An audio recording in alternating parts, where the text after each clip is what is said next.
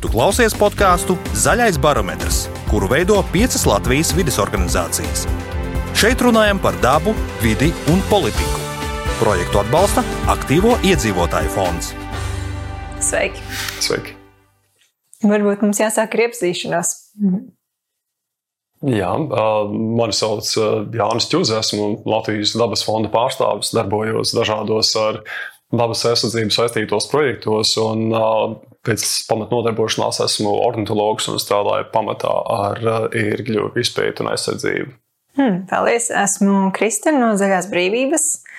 Lielākoties strādāju klimata un enerģētikas komandā un īpaši pievēršos atjaunīgās enerģijas jautājumiem. Un pēc izglītības pati esmu geogrāfa, vairāk kā cilvēka geogrāfa, un, un interesējos arī par ainavu ekoloģijas jautājumiem.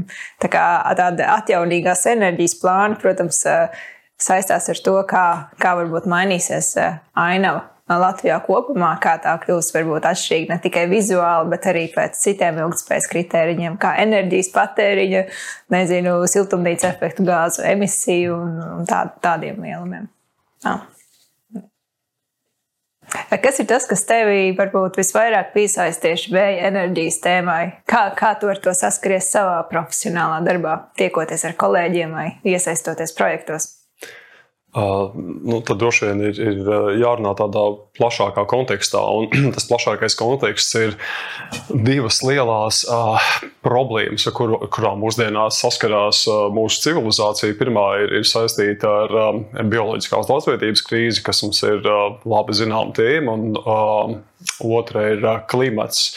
Un, nu, zināmā mērā no klimata arī izriet viss tas, kas saistīts ar enerģētiku, šī nepieciešamība meklēt alternatīvas enerģijas avotus. Un, nu, kā mēs labi to zinām, bieži vien šīs lietas mēdz nostāties pretrunā. Proti, meklējot it kā no klimata viedokļa draudzīgākas enerģijas avotus, mēs varam radīt problēmas bioloģiskajai daudzveidībai. Un to, ka ar bioloģisko daudzveidību un ar, ar putnu daudzveidību tiešām ir problēmas mūsdienās ilustrē nu, jau ārkārtīgi daudz pētījumu. Ir arī ļoti solīdos avotos pieejami pētījumi, kas ciparu valodā to raksturo. Un, Viens konkrēts piemērs, ko es varu piesaukt, ir, ir no Ziemeļamerikas pāris gadus atpakaļ publicētā pētījumā tika parādīts tas, ka pēdējo aptuveni 50 gadu laikā Ziemeļamerikā ir zaudēta aptuveni 3 miljardi putni, kas ir aptuveni 30% no tā, kas uh, bija šī uh, pārskata perioda sākumā. Tātad tas ir Tā ir uh, milzīga skaita lejupslīde. No, no citiem avotiem mēs zinām, to, ka uh, līdzīgas uh, nu, putnu pop populāciju nu, sabrukumi, pat varētu teikt, ir, ir vērojami arī, arī citās mūsu pasaules daļās, tā skaitā Eiropā. Un, um, Tajā pašā laikā ir zināms, ka vēja enerģētika, kas ir no, nu, salīdzinoši jauna tendence un, un neapšaubāmi ļoti perspektīva, dod savu pienesumu šajā, šajā problēmā, proti, tajā, kas notiek ar putniem. Un atkal atcaucoties uz to pašu Ziemeļameriku, ir aprēķināts, ka Amerikas Savienotajās valstīs katru gadu aptuveni 140 tūkstoši līdz vairāk kā 300 tūkstoši putnu iet bojā tieši vēja bija elektrostacijās, kas no vienas puses ir ļoti liels cipars, no, no otras puses varbūt mazs. Ja mēs ņemam vērā, ka piemēram tajās pašās elektropārvades līnijās štatos katru gadu iet bojā desmitiem miljoni putnu.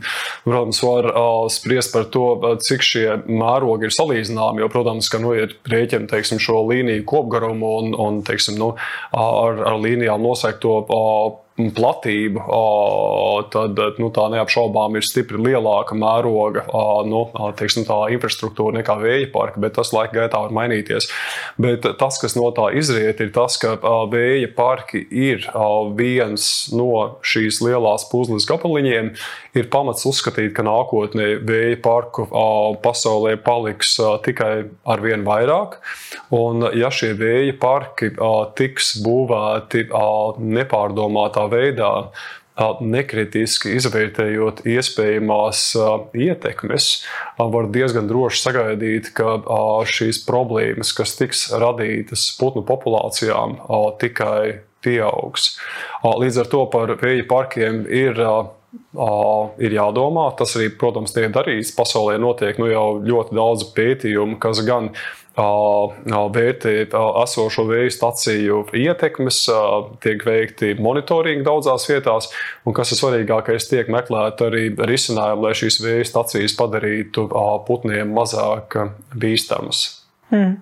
Jā, es noteikti piekrītu, ka man liekas, arī domājot par tādu ekonomikas pārstrukturizāciju, pārēju uz oglekļa mazietilpīgām tehnoloģijām, mums vienmēr ir jādomā, kādas izdzīvošanas iespējas mēs atstājam arī citām, citām dzīvām būtnēm. Un, man liekas, ieskatoties tieši kā ornitologam tajā putnu dzīves pasaulē, var saprast, cik faktiski jā, grūti ir izdzīvot, esot, esot putnam. Un, un noteikti arī ņemot vērā to, ka lielāko daļu teritoriju ar vienu arī izmanto noteikti lauksaimniecībai un meža strādē. Tāpēc tie ir ne tikai vēja parki, protams, kur, kas, ir, kas, kas var nest apdraudējumu, bet arī citi dažādi zemes lietojuma veidi. Tā kā, man liekas, tās pieejamās dzīvotnes vienkārši dzīvniekiem kļūst pasaulē ar vien mazāk.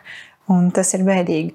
Bet, nu jā, man šķiet, ka uh, tas noteikti ir tas, varbūt tas būtiskākais arī vadmotīvs tagad notiekošos procesos ne tikai Eiropā, bet visā pasaulē, kur ir diezgan skaidra tā kopējā sapratne, ka pārējai uz atjaunīgo enerģiju kopā ar tādu varbūt cenšanos ierobežot enerģijas patēriņu kopumā, ir jābūt kā kaut kādā veidā līdzsvarotā ar tām dabas daudzveidības interesēm un, un dabas aizsardzību. Bet, protams, tāpat man liekas, tā dabas aizsardzība un arī bioloģiskās daudzveidības izpausmes uh, nav nevienmēr ir tik vienkārši novērtēt. Tāpēc būs tie lielie principi, bet droši vien katrs parks arī uh, jā, būs kaut kā jāpēta kā atsevišķs objekts, un ir būtiski, kā tas iekļaus tajā ainavā, un patiešām kādi ir tie pieejamie dati jau par to, kā, kā tur dzīvo citi dzīvnieki, uh, kas, kādi, kādi biotopi tur atrodas, bet tāpat tās noteikti arī par, par ainavas citām vērtībām, kā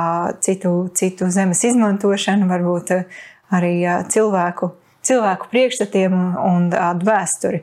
Bet man jāsaka, nezinu, ka savā, savā darbā visbiežāk vēja enerģijas attīstību un noteikti arī vēja parku jaunu izbūvu Latvijā es redzu kā vidas mērķi pašu par sevi. Un pirmkārt jau tāpēc, ka tas uzdevums izspiest, kā teikt, tos fosilos energoresursus no tās visas lielās energobilances ir patiešām gan ar tādiem humanitāriem, gan noteikti arī ar, ar dabas aizsardzības mērķiem saistīts, jo, teiksim, nu, vēja enerģija tas Tas noteikti ir viens no tiem galvenajiem pasākumiem, kas klimata pārmaiņu mazināšanā var sniegt pienesumu. Un tad tās nu, klimata pārmaiņas, protams, ir viens no dzinējspēkiem, kas, kas pats šo dabas daudzveidību savā ziņā izjauc. Bet, eh, jā, bet man šķiet, ka Latvijā mēs esam tādā interesantā posmā, kur mēs zinām, ka mums eh, vēja enerģija tiek eh, tiksim, industriālā veidā izmantota vēl ļoti maz. Un tieši tagad arī ir tādas jaunas politiskas iniciatīvas, un arī daudz vairāk uzņēmumu interesējas par jaunu vēja parku attīstību. Un kāds ir tavs, kāda ir tava noskaņa? Vai tu gaidi teiksim, šos jaunos parkus, vai tu vēlēsies iesaistīties to plānošanā, vai tu uzskati, ka ir nepieciešama vairāk diskusija par to, kur tas notiks, kā tas notiks un, un ko mēs varam darīt, lai šie parki būtu pēc iespējas ilgspējīgāki? Uh, nu, man jāsaka, ka uh, es, uh, protams, rēķinos ar to, ka Latvijā vēja parka paliks ar vien vairāk. Nu, tā ir realitāte, un nu, to alternatīvu fosilai enerģijai mums, diemžēl, ir diezgan maz. Nu, reāli skatoties, tas ir vējš un saule. Un visticamākais, ka abi šie virzieni nākotnē arī ļoti aktīvi tiks attīstīti. Un es pats nu, šajā darbā esmu iesaistīts ļoti pastarpināti tikai tādā ziņā, ka informācija, kuras vākšanā es pats esmu iesaistīts, darbojoties jau ar, ar pieminētajām ērgļu sugām. Parasti pamatā tas ir jūras ērglis, ar kura monitoringu es jau Latvijā nodarbojos jau gan īsi 15 gadus, un, un atsevišķos periodos vairāk strādāju arī ar citām ērgļu sugām. Tātad šī informācija, ko es ievācu lauka darbos, viņa nonāk pie plānotājiem, pie cilvēkiem, kas iesaistīti ieteikmes uz vidu novērtējumu procedūrā, un pēc tam tiek izmantoti jau, lai uh, plānotu šos uh, parkus uh, putniem pēc iespējas uh, mazāk uh, kaitīgā veidā. Un par šo kaitīgumu runājot, nu, nav gluži tā, ka vēja parki putnus ietekmē tikai caur sadursmēm, kas ir nu, tas klasiskākais piemērs, kas tiek piesaukts. Arī droši vien, ka nu, daudzi no, no klausītājiem būs redzējuši bildes ar, ar, ar no, smagi traumētiem veiktiem putniem, kas mētājās apakšā zem šīm vēja stacijām. Tādi gadījumi ir, ir zinām arī Latvijā. Arī manā praksē ir zinām divi gadījumi, kad jūras ēgļi ir gājuši bojā vēja elektrostacijās. Un pie tam tas pie fona, ka Latvijā netiek veikts sistemātisks monitorings vēja stacijās. Tas ir milzīgs trūkums, par to mēs varbūt vēl vēlāk vēl, vēl parunāsim atsevišķi. Bet, protams, nav gluži tā, ka šīs sadursmes ar, ar šiem rotoriem ir, ir vienīgais veids, kā vēja stācijas sastāvā ietekmi uz vidi. Noteikti nē. No pētījumiem citur pasaulē ir labi zināms, ka šī ietekme izpaužās arī kā traucējums, šī ietekme izpaužās arī kā biotopu degradācija, dzīvotņu izmainīšana un arī kā dzīvotņu fragmentācija. Jo, piemēram, nu, it īpaši, ja būvē vēja stacijas neskartākos dabas nostūros, piemēram, mežos, tas nozīmē ļoti nozīmīgu infrastruktūras attīstīšanu, kas nozīmē ceļus, nozīmē tādas vai savādākas elektrolīnijas, un, un tam visam var būt ietekme uz, uz, uz dzīvotnēm. Un ir arī ļoti labi pētījumi, kas pārliecinās pārliecinoši runā par šīm ietekmēm. Viens eh, ļoti labs pētījums, eh, eh, salīdzinoši nesens no Indijas, kur ir pētīta dabas daudzveidība jau strādājošu vēja elektrostaciju tūmā. Un, kontrolas vietās, citur līdzīgā ainavā. Ir konstatēts, ka vietās, kur šo vēja staciju nav, plēsīgo putnu ir četras reizes vairāk nekā vēja stacijās.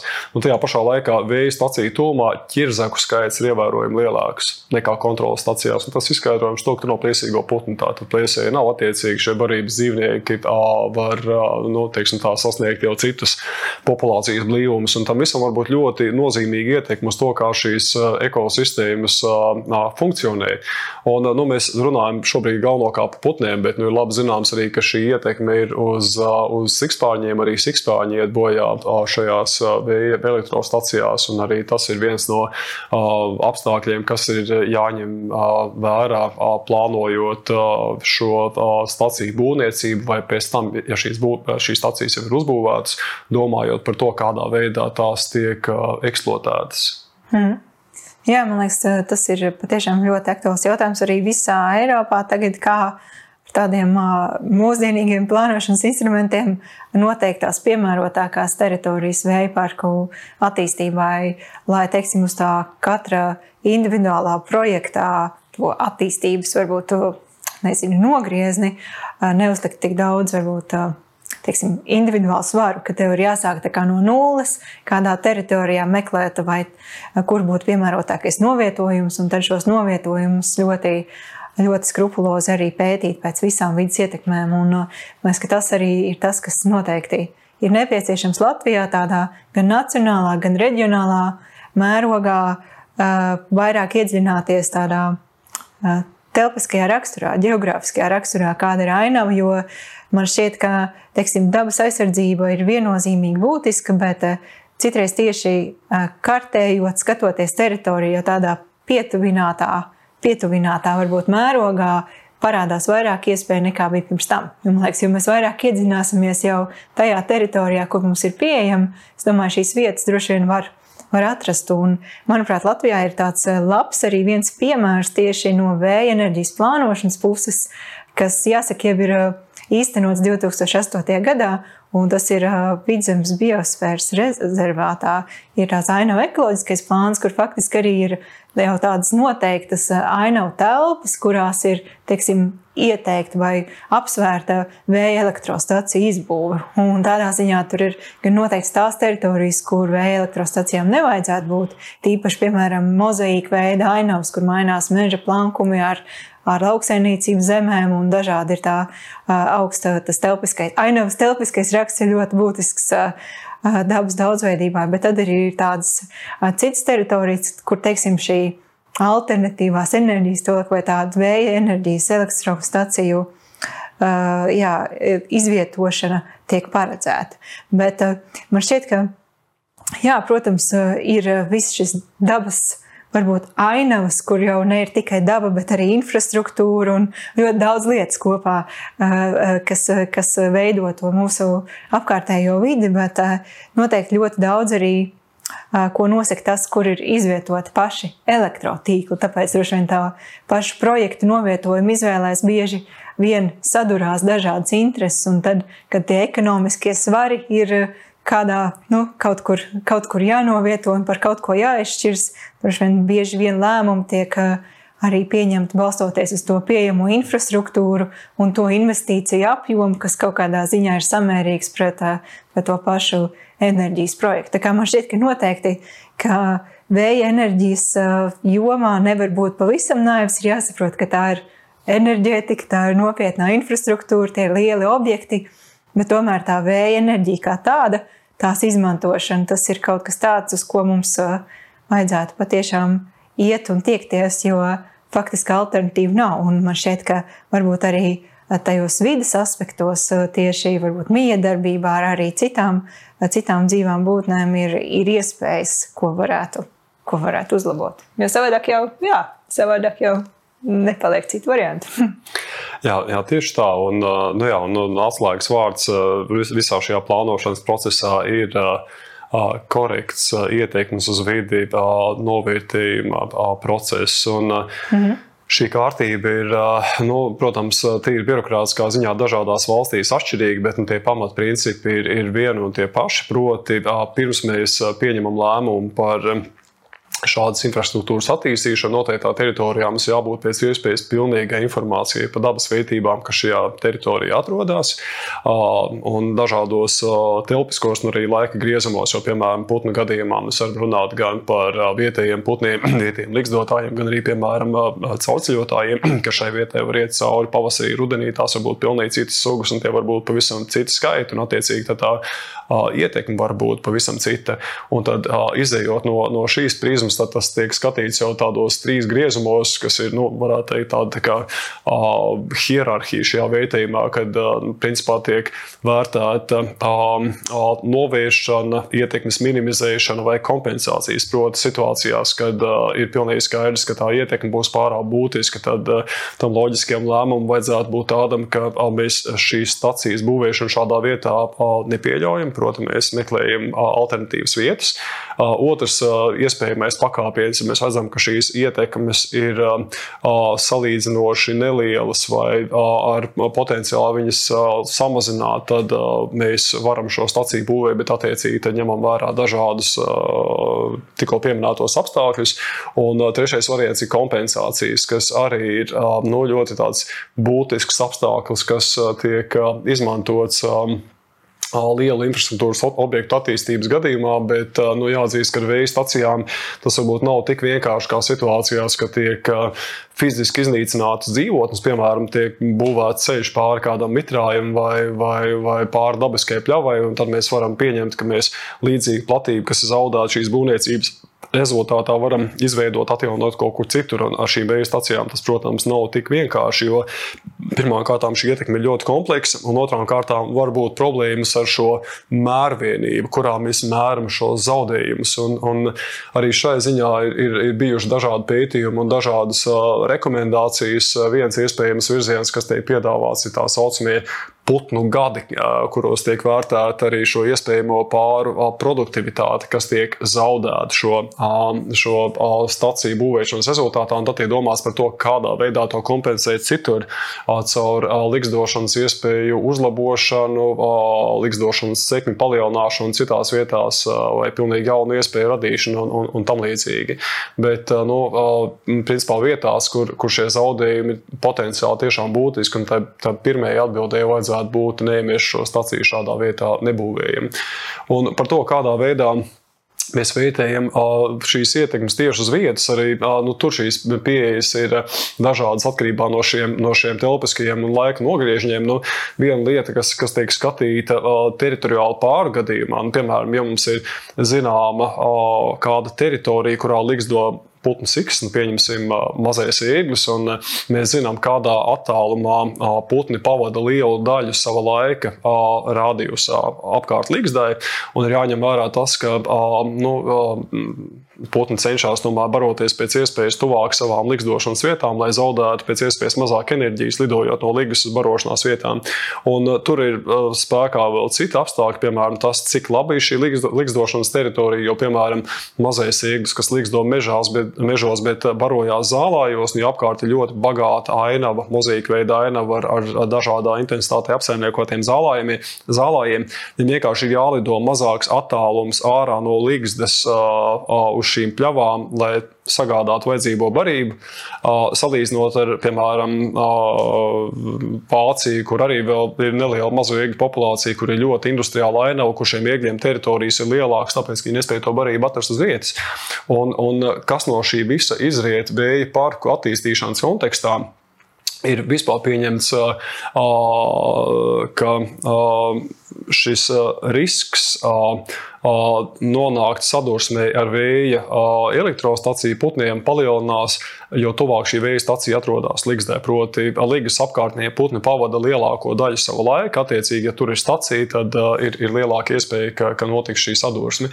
Un zinot to, cik šīs likstošanas teritorijas ir lielas vai cik daudz laika tiek pavadīts noteikti attālumā no Ligas, attiecīgi arī tiek pieņemtas rekomendācijas šo parku būvēšanā, kā piemēram Latvijā mums ir ieteikts vēja stacijas nebūvēt līdz 3 km attālumā no mazu likstošanas vietām. Vācijā viņi to iesaka nedarīt līdz 6 km mm. attālumā. Tieši tāpēc, vien, ka tā ainava ir savādāka un, un attiecīgi tie, tie lidojumi notiek, notiek tālāk. Un pat ar visiem šiem 6 km mēs nu, nevaram pilnībā garantēt to, ka šādas sadursmes nenotiks, jo uh, ir zināms uh, no pētījumiem, kuros putni ir aprīkoti ar, ar raidītājiem, ka atsevišķās teritorijās viņi var lidot pat 15 km projām no, no Līgas, ja tur ir labas barošanās vietas. Tātad nu, tie, tie 3 vai 6 km tas ir nu, veids, kā mēs varam minimizēt šo ietekmi, bet mēs noteikti viņu nevaram pilnībā novērst.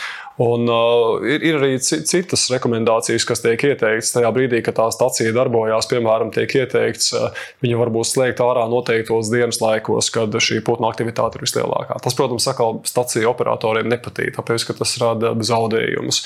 Uh, Sikspāņu gadījumā tiek ieteikts stacijas nedarbināt tad, kad ir mazāks vēja ātrums. Mm. Tāpēc, ka tad sikspāņi lido tik līdz vēja ātrums palielinās, ja es pareizi atceros, virs 8 metriem sekundē, sikspāņi vairs nelido un attiecīgi tas nerada riskus. Bet tas tikpat labi rada riskus putniem.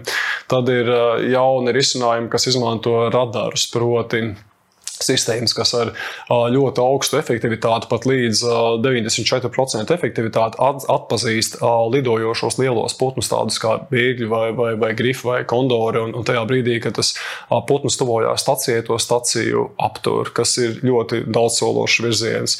Tad vēl tiek domāts par variantiem, kā šīs stacijas krāsot speciālās krāsās, lai putniem viņas būtu labāk redzamas. Vai sikspāņu gadījumā, piemēram, tiek domāts par risinājumiem ar ultraskaņas devējiem pie pašām stacijām, kas principā rada tādu trokšņa fonu, kas sikspāņiem nav tolerējams. Līdz ar to sikspāņi cenšas izvairīties no, no, no šo staciju apkārtnes. Respektīvi, ir, ir ļoti labi principi, uz kuriem balstoties mēs, mēs varam ievākt informāciju un pieņemt lēmumu par to, vai šo staciju šādā vietā būvēt vai nebūvēt. Un gadījumos, ja šīs stacijas jau ir uzbūvētas un mēs redzam to, ka šīs negatīvās ietekmes ir, mēs varam meklēt risinājumus, kā šīs negatīvās ietekmes mazināt. Bet bet ir jārēķinās ar to, ka tas nevienmēr būs uh, iespējams. Mm.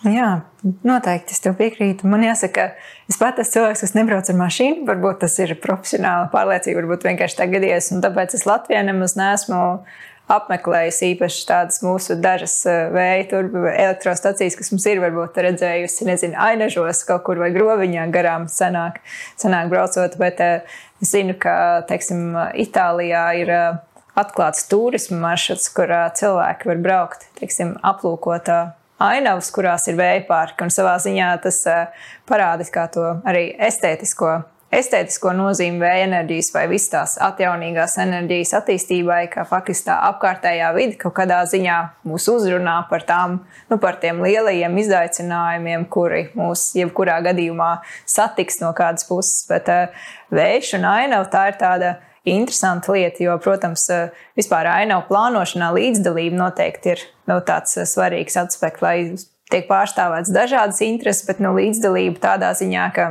teiksim, iedzīvotājiem ir iespēja izteikt viedokli un iespēja arī teiksim, saprast un sekot līdzi un ietekmēt to lēmumu pieņemšanu. Un jo vairāk līdzdalības, faktiski, jo lēmumam vajadzētu būt tādam nu, konkrētāk pieņemamam, nevis otrādi. Bet šķiet, ka vējš, vēja enerģijas plānošana ir ar vien tāds ļoti tāds karsts, bet tāds jā, tāds uh, savā ziņā ļoti sarežģīta lieta, jo man liekas, tāda pretestība no iedzīvotāju puses ir visās valstīs bieži vien sastopama parādība. Un uh, tas bieži vien varbūt ir saistīts ar tādām arī droši vien bailēm, vai varbūt citreiz priekšstatiem, kas, kas vienkārši sakņojas kādā nezinu, pārliecībā, vai nezinu, iemesli var būt dažādi. Bet citreiz, protams, arī vienkārši nevēlēšanos dzīvot vēja parku tuvumā. Bet tur arī, man liekas, es nezinu, kā tev šķiet, bet es domāju, ka tā plānošana vai tāda kaut kāda tāda novietojuma meklēšana un varbūt sarunas ir vienīgā lieta, kas var palīdzēt, jo tām vēja stacijām kaut kur ir jāatrodas. Un, un arī tas attālums no mājām ir būtisks, protams, lai, lai izvairītos no trokšņa piesārņojuma vai arī mirgošanas efekta, kas, kas var traucēt, bet faktiski arī nav tāds šķērslis, lai no vēja enerģijas baidītos. Tā kā man šķiet, ka mēs ejam varbūt uz tādu, tādu pasauli vai varbūt tādu vispār geogrāfisko vidi, kur tās atjaunīgā enerģija, arī vēja enerģija, kļūs varbūt sastopama vai kaut kādā veidā integrēta ļoti dažādās ainavās. Un mēs vienkārši vēl kaut kā neesam pie tā pieraduši, bet, eh, bet tas tā notiks. Un droši vien arī tās pašas eh, tehnoloģijas meklēs risinājumu varbūt vēl tiem kaut kādā ziņā dažkārt traucējušiem aspektiem, kas eh, vēja elektrostacijām ir. Bet, bet nu, tā satikšanās, es domāju, ir, ir kaut kādā ziņā uz labu. Jā. Tāpēc, tāpēc es droši vien uz jautājumu par to, vai vēja enerģija ir vidē draudzīga, atbildētu, jā, noteikti. Tikai tur es eh, ar to vidē draudzīgu, nu, kaut kā pieturētos pie tāda vidas jēdziena vai tāda vidas tā izpratnes, kas ir savā ziņā konfliktējoši pats par sevi. Nu, kā vide, kāda tā ir. Un tajā jau vienmēr ir, eh, ir eh, nu, visādas pretrunas un arī, un arī citreiz, teiksim, zaudējumi. Tā, jā. Jā, nu es, es, es, es droši vien to skatītos no pozīcijām, ka Mūsu izvēles iespējas, diemžēl, šajā gadījumā nav tik plašas, kā mēs varbūt visi gribētu. Mums ir jāizvēlās labākais no tā, kas ir. Un, un no tā, kas ir, uh, nu, droši vien, ka vējš un saule ir, ir, ir, uh, ir varianti, nu, kas ir atbild uz šo jautājumu. Jo, piemēram, uh, hidroenerģija, manuprāt, ir, ir viennozīmīgi vissliktākais no, no atjaunojamās enerģijas veidiem. Es tiešām no sirds ceru, ka pārskatāmā nākotnē Latvijā nu, tiks novākts izslēgts pilnīgi visas uh, hidroelektrostacijas, tā skaitā arī lielās. Nu, tas, protams, nebūs varbūt uh, nākamo dažu desmitgažu jautājums, tīpaši zinot kontekstu, kādā mēs šobrīd dzīvojam, bet tas, ka tālākā nākotnē arī lielās stacijas pazudīs, un par to es esmu uh, pilnīgi pārliecināts. Bet, protams, ka nu, līdz tam mums ir jānonāk un ir jābūt pietiekoši labām alternatīvām. Un, protams, vējš un saule ir tas, kas, kas, kas arī to, to alternatīvu nodrošinās. Uh, runājot par cilvēku attieksmi, es, es, es pilnīgi piekrītu. Mēs arī no savas prakses uh, Latvijā zinām, to, ka ir, ir bijuši gadījumi, ka tieši vietējo cilvēku attieksme ir uh, nu, tā, nogrendējusi vai vismaz ļoti būtiski apgrūtinājusi dažu lielu projektu īstenošanu. Un, protams, ir jāņem vērā viens apstākļus, kas ir ļoti būtisks, ka nu, šīs vēja stācijas tomēr rada ļoti krasas pārmaiņas ainavā.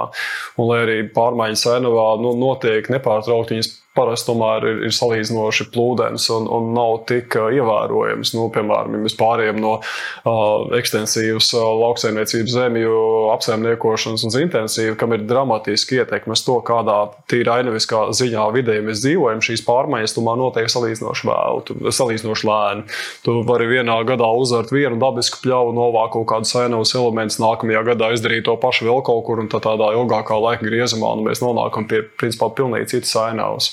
Savukārt, nu, vēja stacijās nu, šī ainava var mainīties nu, ļoti īsā laikā, dažu nedēļu vai, vai mēnešu laikā. Un, nu, droši vien, ka tas cilvēks ļoti biedē un, un ļoti iespējams, ka, ka pamatoti. Un, nu, savā ziņā arī šī iemesla dēļ mēs redzam to, ka Eiropā, it īpaši Vācijā, ir tendence šos vēja parkus būvēt nomaļās vietās, kas bieži ir dabas teritorijas. Un tad tur radās jauni, jauni riski. Un, nu, arī Latvijā šobrīd nu, tiek, tiek virzīta ideja par to, ka vēja parks varētu attīstīt lielos meža masīvos, kas iespējams risina šo problēmu ar, ar, ar, ar nu, teiksim, vietējās, vietēju iedzīvotāju iespējamiem protestiem. Bet, protams, ka nu, tas atkal rada jautājums par iespējamo ietekmi uz, uz dabas daudzveidību, par ko jau mēs runājām. Un tad atliek cerēt, ka arī šajos, šajos meža masīvos šīs stacijas tiks būvētas tomēr nu, pēc labākās, labākās prakses, ka nu, šī ietekme uz vidi tiks vērtēta ļoti uh, dažādos griezumos, korekti un attiecīgi tiks pieņemti labākie iespējamie lēmumi. Jā, noteikti. Man liekas, mums jāizmanto arī iespēja sekot to projektu attīstībai un, un sniegt kādus priekšlikumus. Jo man liekas, tas mežs jau, protams, ir tāda teritorija, kur ir ļoti, ļoti dažāda veida, teiksim, gabaliņi var salikt kopā vai ļoti dažādas eh, ekosistēmas. Un eh, ne tikai pēc tā, eh, kas tur aug un kas tur dzīvo, bet tieši saistībā ar meža strādi. Un, teiksim, nu, tā meža strādes intensitāte jau vispār ir liela, un mēs nevaram domāt, ka tā beigsies. Un tad, ja tā vēja parka plānošana varbūt ir sinerģijā ar to infrastruktūru, kas jau pastāv, teiksim, mežos, un ja tur patiešām prioritāte ir tām teritorijām, kas nemazina tās dabas vērtības, kas ir patiešām jāaizsargā mežos. Droši vien, kad tā, tā ir iespēja, jo, protams, mežos vēja parki ir arī Somijā daudz un, un Zviedrijā. Un, bet, jā, bet tā ir lieta, kas, kas, kas vēl jānoskaidro, un kur, man liekas, atklātība ir ļoti liela nozīme, jo arī tā sabiedrības interese ir patiešām liela. Man liekas, ka tajos vēja parkos, kas, kas taps. Es domāju, ka tāda patiešām. Uh, nu, Tāda klaja dabas vērtību neievērošana, man liekas, vairs nav iespējama. Jo neatkarīgi no procedūrām, ko mēs pievē, ievē, piemērosim, tomēr tās dabas likumdošana un arī tā ekspertu, man liekas, nu, ekspertu priekšstats par to, kādiem mūsdienās vēja parkiem ir jābūt, ir jau kaut kādā ziņā kvalitātes latiņa. Ka mums eh, nav jābaidās no tādiem projektiem, ka tie pilnīgi pretēji kuriem standartiem tiks, eh, tiks virzīti. Jo tad tie, es domāju, vienkārši arī nekla, neklasificēsies kaut kādiem ieguldījumiem. Vai, vai, jā, es domāju, ka tas, eh, kad ir tas. Tas viss ir jā, par dabu un par cilvēkiem apkārt. Ir ļoti jādomā tajā fāzē, kad projekts tiek plānots un tā iecerta tiek attīstīta. Bet uh, Bet tādas, eh, tas, tas scenārijs, kad būs kādi, kādi teiksim, tādi parki, kas vienkārši neatkarīgi no nekā tiks īstenot, man liekas, domāju, vairs neīstenosies. Ka mūsu sabiedrība jau ir pietiekami demokrātiska, lai spētu atlasīt tos projektus, kas ir vērtīgi un vajadzīgi no, no varbūt vienkārši tādiem nu, eksperimentiem. Ne, nezinu, tādi. Hmm. Nu, jā, nu, jā, nu, eksperimentiem droši vien mēs, nu, mēs vienkārši nevaram atļauties eksperimentēt tajā situācijā, kādā mēs esam šobrīd. Nu, viena lieta, ko ļoti gribētos sagaidīt no, no visiem jaunajiem mēju parkiem, ir, ir korekta monitoringa sistēma, mm. kas, manuprāt, ir viens no lielākajiem trūkumiem šobrīd. Ja mēs runājam par vēja staciju attīstīšanas vēsturi Latvijā, jo es būtu sagaidījis, ka kombinācijā, komplektā ar, ar atļauju būvēt vēja parku nāk obligāti prasība nodrošināt neatkarīgu monitoringu, kas nemaksā tik dārgi un, un nav tik sarežģīti. Ir ļoti daudz piemēru, sen metodikas ir atstrādāts, tas ir tikai darīšanas jautājums. Šobrīd uz, uz jautājumu, kāda ir Latvijā jau esošo vēja parku ietekme uz, uz putnu faunu, mums vienkārši nav godīgas atbildes. Hmm. Nu, mēs, mēs, mēs nezinām. Nu, ir, ir, protams, informācija, kas ir iegūta šo staciju plānošanas gaitā, nu, kas zināmā mērā varbūt izmēra to situāciju pirms tam, bet arī šī situācija laika gaitā var, var mainīties. Bet kas ir noticis pēc tam, kad tās stacijas ir uzbūvētas, cik daudz putnu tur ir gājuši bojā, nu, mēs, mēs vienkārši nezinām. Mēs zinām no, no, no dažādiem piemēriem citur pasaulē, ka šī situācija var būt ļoti, ļoti dažāda. Laikam visdramatiskākais vis piemērs no vienas stacijas Nīderlandē, kur viens, viena viena stacija, viena turbīna gadā saražo pēdiņās 40 līdz 50 beigtas putnus gadā. Ir tādas, kas saražo vienu vai mhm. mazāk. Ir, ir ļoti maz tādu staciju, bet tādas stacijas arī ir zināmas, kur beigti putni faktiski vispār nav konstatēti. Tas nozīmē, ka nu, ir jābūt korektai sistēmai, kas to izvērtētu, jo nu, mēs jau nevaram dot rekomendācijas pēc tam šo, šo sistēmu uzlabot, ja mēs nezinām, kāda ir šīs sistēmas ietekme. Un, es tiešām nu, sagaidītu, ka normatīvi, kas šo nozari regulē, tiktu sakārtoti tā, ka monitorings tiek padarīts par obligātu prasību. Un tā būtu, nu, manuprāt, absolūti pašsaprotama lieta. Un, nu, es, es nedomāju, ka kāds arī varētu pateikt, ka tas ir pārāk daudz prasīts. Man liekas, tas ir ļoti labs arī ieteikums, ko virzīt tālāk. Tagad sarunās ar politikas veidotājiem, kur, protams, nāks klajā ar priekšlikumiem dažādiem administratīvo procedūru optimizēšanā, jo šķiet, ka tas monitorings ir tas, kas to, teiksim, to ieskatu vēja parka darbībā var nodrošināt, lai arī turpmākos projektus patiešām uh, izstrādātu vidē draudzīgākā veidā.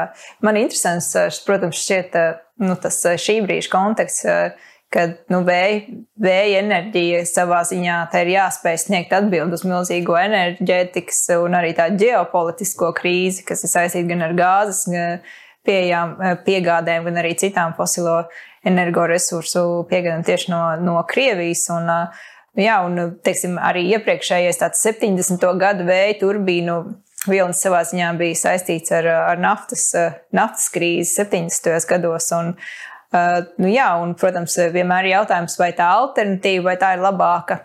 Vai tā ir labāka par to, kas jau ir? Un, ja mēs to vērtējam, ņemot vērā, teiksim, Krievijas militāro agresiju vai um, to kapitāla plūsmas, tad atbildi ir viennozīmīga. Tur mums ir jādara viss, lai, lai pārtrauktu tādas uh, pārtraukt tādus finanšu mehānismus, kas var teiksim, piedalīties kara darbības finansēšanā, bet otra lieta ir paša tā, teiksim, to tehnoloģiju ilgspēja. Un, nu jā, un droši vien bieži vien tie svarīgie jautājumi par to, kā tad, nu, kāds tad ir turbīnas, vēja elektrostacijas, visu to sastāvdaļu, pats dzīves cikls, no kurienes tās tiek salikts kopā, un, nu jā, un kas ar tām notiek dzīves, dzīves nogalē. Tādā ziņā Man liekas, fakts, ka Latvijā gandrīz vēl nav, vispār, vispār nav tā lielo vēja parku, ir savā ziņā laba lieta, jo tagad tās, nu, tās nu, tehnoloģijas, ko, vai arī tās vēja elektrostacijas, kas tiks, kas tiks Latvijā uzstādītas, savā ziņā tās jau iestajā iekšā tajā jaunajā paudzē, kur mēs varam pieņemt, ka pēc 30 gadiem varbūt, kad tās, kad tās būs vai nu jāatjauno, vai varbūt beigs to dzīvi droši vien nu, vēja turbīna, vēju elektrostaciju visas lielākā daļa sastāvdaļas būs jāpārstrādā. Tās nevarēs, teiksim, vienkārši tā kaut kur atstāt, jo arī tagad uh, liela daļa, kāda 80% no visas vēja elektrostacijas tām sastāvdaļām daudzajām var tikt pārstrādātas, īpaši, kas ir ar tēraudu un arī var, bet, bet ir nu, daļa, kas ir vēja turbīnu, tās vēja elektrostaciju lāpstiņas, kuras bieži vien ar vienu nonāk teiksim, neizgāstos, bet tiek apglabātas. Jo to pārstāda arī tad, ja tas, tas nozīmē, ka termisko dedzināšana, enerģijas iegūšanai ir, ir sarežģīta un grūta. Un, laikam tagad arī esam tādā tieši brīdī, kad mainās likumdošana, ka tā pirmā, tā 70. vai vēlāko gadu tā vēja elektrostaciju paudze ir novecojusi. Tā arī ir parādījusi, ka tā noveco tādā veidā, kur faktiski tas tā gala izmantošana nav līdz galam atrisināta, bet tagad nāk atkal tādi jauni, stingrāki standarti, kas noteikti tām vēja elektrostacijām, ko, ar ko mēs iepazīstamies nākamos gados Latvijā, jau uzliks daudz stingrākus kritērijus uh, visa Tādī, nu jā, it īpaši dzīves nogalē. Un, jā, un tāpatās arī par, par to pašu turbīnu, ne pašu vēja elektrostaciju, no kā tā ir salikta kopā. Tur ir ļoti daudz detaļas, bet mēs zinām, ka ne visas izdevības pasaulē visām lietām var iegūt ilgspējīgi vai kaut kādā godīgā veidā. Un, un, nu jā, un bieži vien mēs uztraucamies, varbūt, vai teiksim, redzami metāli, kas ir arī nepieciešami tieši, tieši nepieciešams sastāvdaļas, vai tā nāk no raktuvēm un pārstrādes vietām, kur cilvēkiem ir pietiekami labi darba apstākļi. Un man šķiet, ka godīga atbilde ir nē, ka mēs arī vēja elektrostacijām, tāpat kā ļoti daudzām lietām, mēs reti, kad izsakojam pilnīgi visam tā produktu dzīves ciklam, pilnīgi visām ķēdēm. Bet, viena, bet man liekas, ka tikpat svarīga atziņa ir, ka nu, vēja turbīnas nav tā vēja nu, nav sliktāks kā citas lietas. Jo, tāpēc, ka teiksim, arī tas pieprasījums pret redzēm metāliem ir lielāks vien citās nozarēs. Un kad nu, tā problēma ar pašu materiālu piegādi, ieguvi ar, ar arī mm, teiksim, izējuma materiāliem ir nu, jārisina droši vien tādā plašākā mērogā. Un ka tieši tās atjaunīgās enerģijas tehnoloģijas pašas par sevi nav droši vien nav tas, kā teikt, nu jā, problēma kā tāda, bet bieži vien tās arī piedalās tajās netik ļoti godīgajās un arī vidē labvēlīgajās ekonomiskajās attiecībās, kas pasaulē valda. Tā, tā droši vien ir, tas droši vien ir jautājums ar vienu par Ķīnu un Ķīnas klimatu politiku un arī Ķīnu kā teritoriju, kur visvairāk no jaunās tieši tādas atjaunīgās elektroenerģijas kapacitātes tiek, tiek arī uzstādīts. Tā kā droši vien arī putnu jautājumi Ķīnā ir droši vien nedaudz savādāk nekā Latvijā, bet vienlīdz, vienlīdz sarežģīti un vienreiz, jā, vienlīdz īsti. Jā, jā nu, par Ķīnas dabas aizsardzības standartiem. Nu, diemžēl mēs dzirdam brīžiem arī gluži tos labākos stāstus, bet jācer, ka arī Ķīna sapratīs, ka nu, ilgtermiņā tā turpināt nevar un tomēr šo jautājumu risinās. Bet par šo pārstrādāšanu tā, protams, nav problēma tikai vēja stacijām, tā ir problēma arī saules paneļiem. Saules paneļiem tas mūžs ir 20, 30 gadu un ir, ir dzirdēts, ka nu, īpaši to iepriekšējo pauģu saules paneļi ir, ir ļoti grūti pārstrādājumi, kas nozīmē, mm. ka no mums pārskatāmā nākotnē izgāstuvies varētu nonākt milzīgs daudzums ar šiem sākotnēji nu, uh, pieejamiem saules paneļiem, un arī tur, protams, industrijai būs jādomā, kā ar šo problēmu tikt, tikt galā.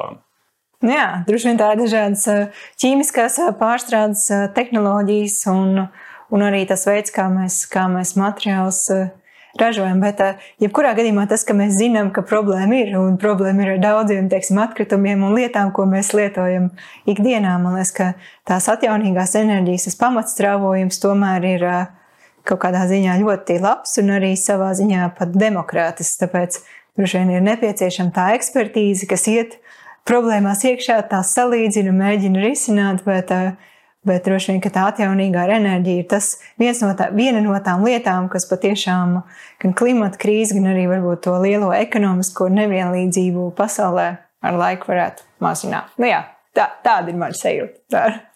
Es domāju, mums ir jā, varbūt jāskatās vienmēr ļoti kaut kā arī kritiski un ieinteresēti uz, tām, uz tiem projektiem, uz tām jaunajām iecerēm, kas faktiski vēsta par tādu elektro visu energosistēmas pārmaiņām un, un to, kas mums ir nepieciešams tādām ekonomiskām darbībām, arī ikdienas dzīvei.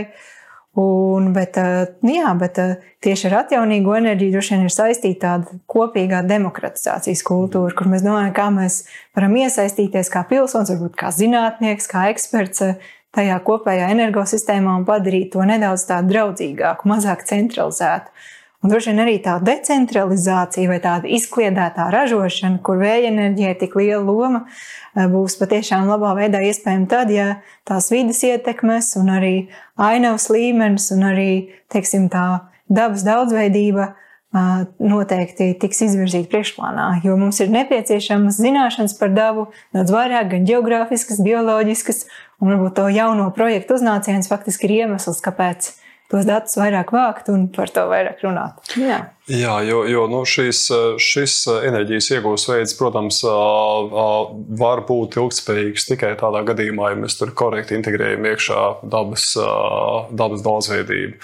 Un, nu, tur pamata atbilde ir, ir, ir būt kritiskiem un ļoti korekti vērtēt uh, iespējamās ietekmes, ko mēs arī uh, ļoti gribētu sagaidīt no tiem projektiem, kas tiks attīstīti Latvijā nākotnē. Hmm, un man šķiet, ka viena laba lieta, ko mēs varam darīt, ir lasīt ietekmes uz vidu novērtējumus, piedalīties konsultatīvās grupās un, nezinu, jā, un vienkārši gaidīt, kas sekos tālāk. Tieši tā. Mm, labi. Lielas paldies par sarunu. Paldies! Tu klausījies podkāstu Zaļais barometrs, kuru veido piecas Latvijas vides organizācijas. Šeit runājām par dabu, vidi un politiku. Projektu atbalsta Aktīvo iedzīvotāju fonds.